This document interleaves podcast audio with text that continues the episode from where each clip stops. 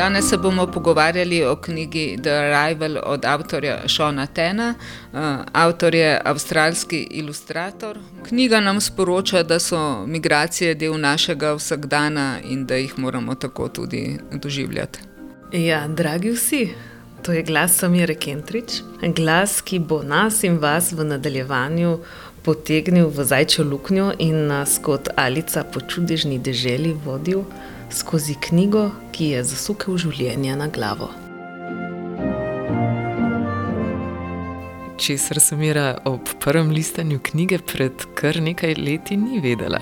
Vedela pa je, ker smo ji to prišepnili, da nas bo njen glas odpeljal tudi v prvo preoblečeno epizodo Erbeletrininega podcasta Območje Lagodja. Še vedno ga sogovorniki ustvarjava Klara Škrinjar in Maja Čakarič, Samiro in z vsemi drugimi gosti z najbolj raznolikih področji, ki jim boste lahko prisluhnili vsakega 20. v mesecu, pa bomo odkrivali njihova knjižna vesolja in veselja. Pogovarjali pa se bomo o tem, katero literarno delo jim je spodneslo tla in svet, kakršnega so poznali, obrnil na glavo.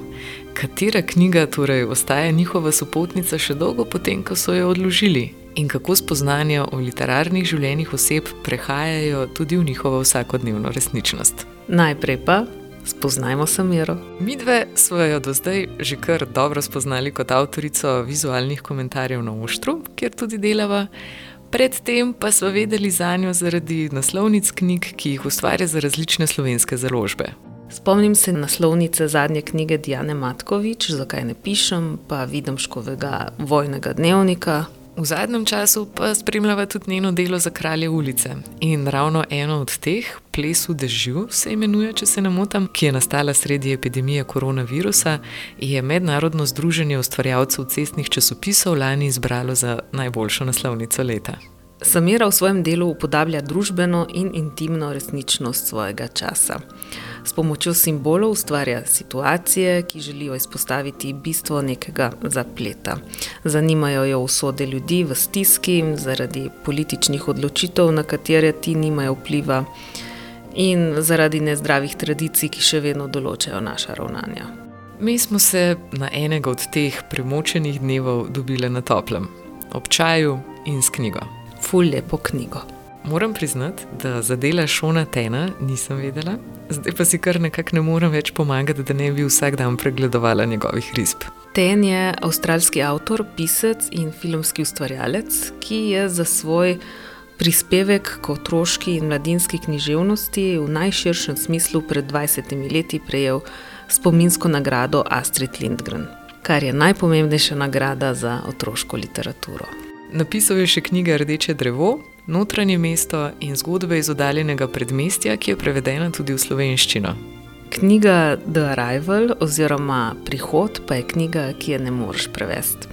Ne zato, ker bi bila neprevedljiva ali kaj takega, tako kot recimo Joyce Ulixes, ampak ker je napisana, narisana brez besed.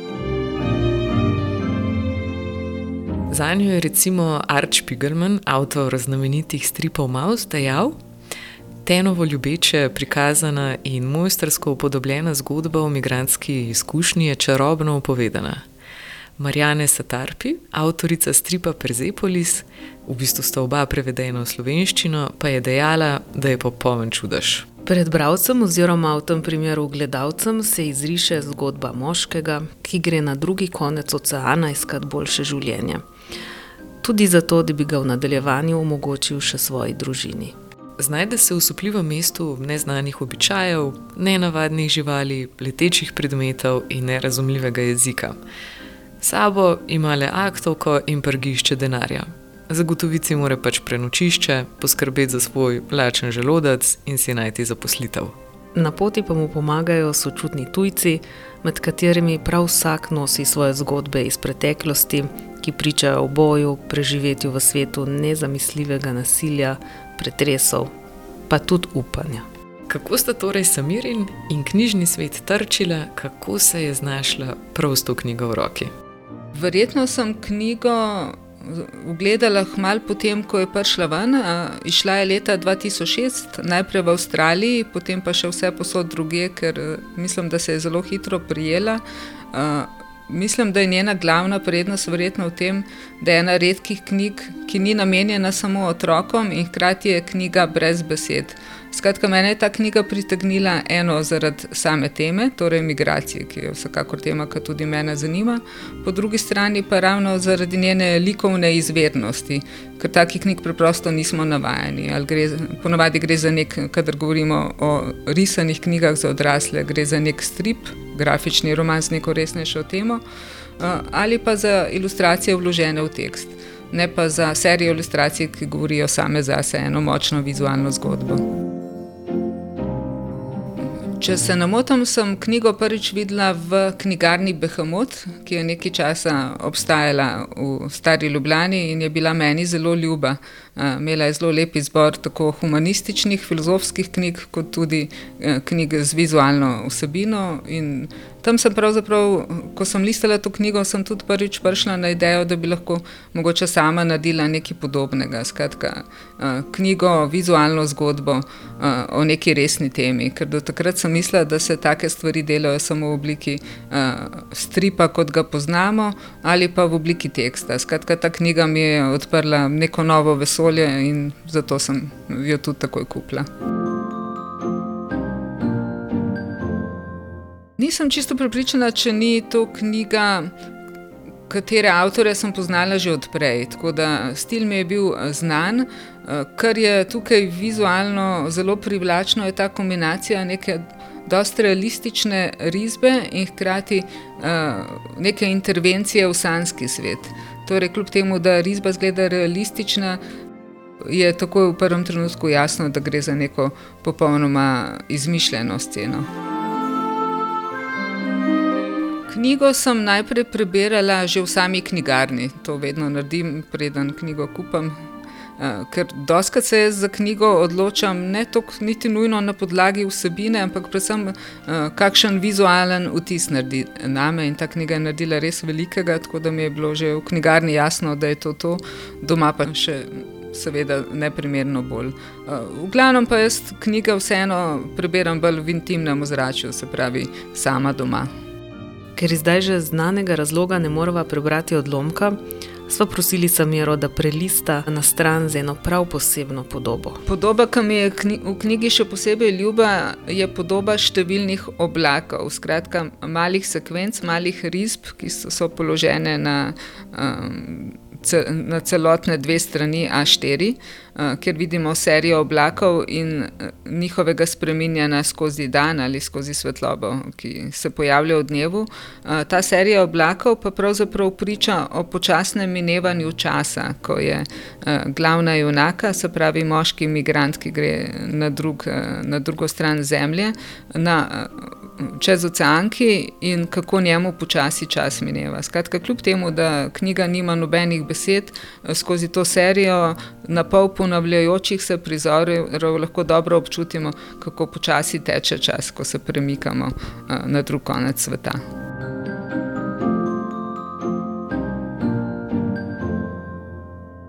Tako kot nas Samira vodi čez knjigo, nas tujec v knjigi čez svoj neznani svet, v tisti popolni tišini.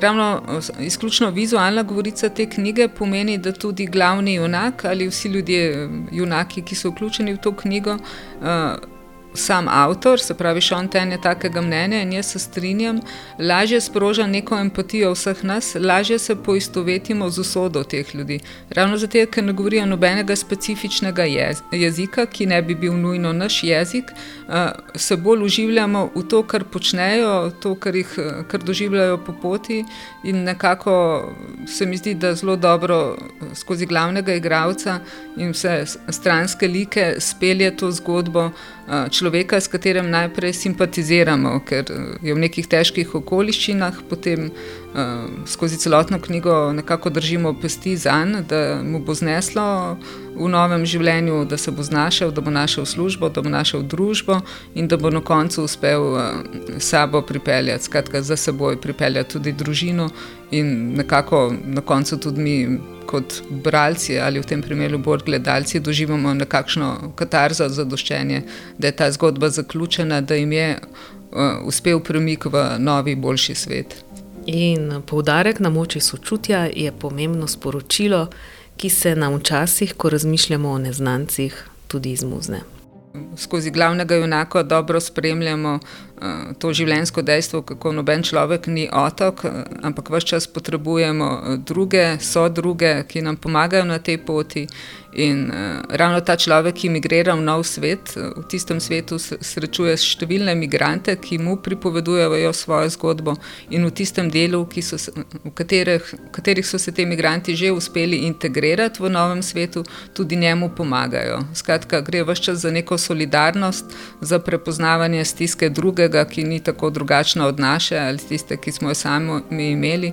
In pravzaprav najlepše sporočilo te knjige je tudi na koncu, ko skratka, človek uspe eh, svojo družino eh, pritegniti za sabo. Na koncu tudi hči tega glavnega junaka, se pravi imigranta, že kaže pot in pomaga novi imigrantki. Skratka, kaže na ta krogotok življenja, na to samoumevnost migracij, ki se nam vse čas dogajajo, in tudi ja, na ključno dejstvo, da si pomagamo in si moramo pomagati, da bi uspeli. En sam ne uspe, uspemo vedno skupaj, se mi zdi. Obenem pa nam omogoči, da kot bralci stopimo v njegove čevlje in se v njih spomnimo svojih občutkov otojenosti in nezmožnosti znajti se v neznanem svetu. Mislim, da ta knjiga tudi dobro prikaže, kako dve imigranski zgodbi nista isti. Eh, se bojim, da nam eh, nekako mediji vse čas poročajo o imigranti, imigranti kot neka skupina, kot neka dosti homogena skupina. Eh, nikoli ne gre za to. Jaz mislim, da ima vsak imigrant svojo zgodbo, zato so tudi koristne take knjige, ki individualizirajo te zgodbe in nam omogočajo empatijo. Mogoče je smiselno tudi povedati, da ena taka knjiga eh, v tem primeru se, riše, se je risala štiri leta, kar pomeni, da avtorju take knjige mora neka tema zelo veliko pomeniti. Ni na ključe, da on zbral temo migracije. Tudi sam je potem veliko govoril o tem, kako on sam, kljub temu, da je rojen v Avstraliji, ker ima bolj azijske poteze, njegov oče je Kitajc, so ga vse čas spraševali, predvsem kot otroka, iz kje je in niso bili zadovoljni z njegovim odgovorom, da je kar od tukaj. Skratka, to vprašanje eh, migranta, kako se človek počuti, če nekako izstopa iz okolice, je nekaj, kar je njemu domače eh, od malih nog in se mu je zdelo zelo pomembno o tem spregovoriti in eh, nekako individualizirati zgodbe, prikazati smiselnost teh migracij in tudi nesmiselnost takih vprašanj. Mogoče, če v najbolj abstraktnem smislu pogledamo, kaj pomeni zgodba o migraciji, to je pravzaprav način, da pridemo do dobre zgodbe. Da je zgodba dobra, se mora zgoditi nekaj nenavadnega. To se nam lahko dogaja tudi v vsakdanjem življenju. Se mi zdi, da vedno, ko se znajdemo v neki novi situaciji, moramo tam poiskati neko pomoč, moramo se znajti. In take knjige nas navajajo na to dejstvo. Skratka, ne gre nujno za migracijo, gre pa vsekakor za nek nov uh, izziv v življenju in kako ga preseči. Ko govorimo o tem, kako lahko izkušnjo tujosti vsak izvleče iz sebe, sem mislila preveriti, po kateri od morebitnih svojih je Samira brskala.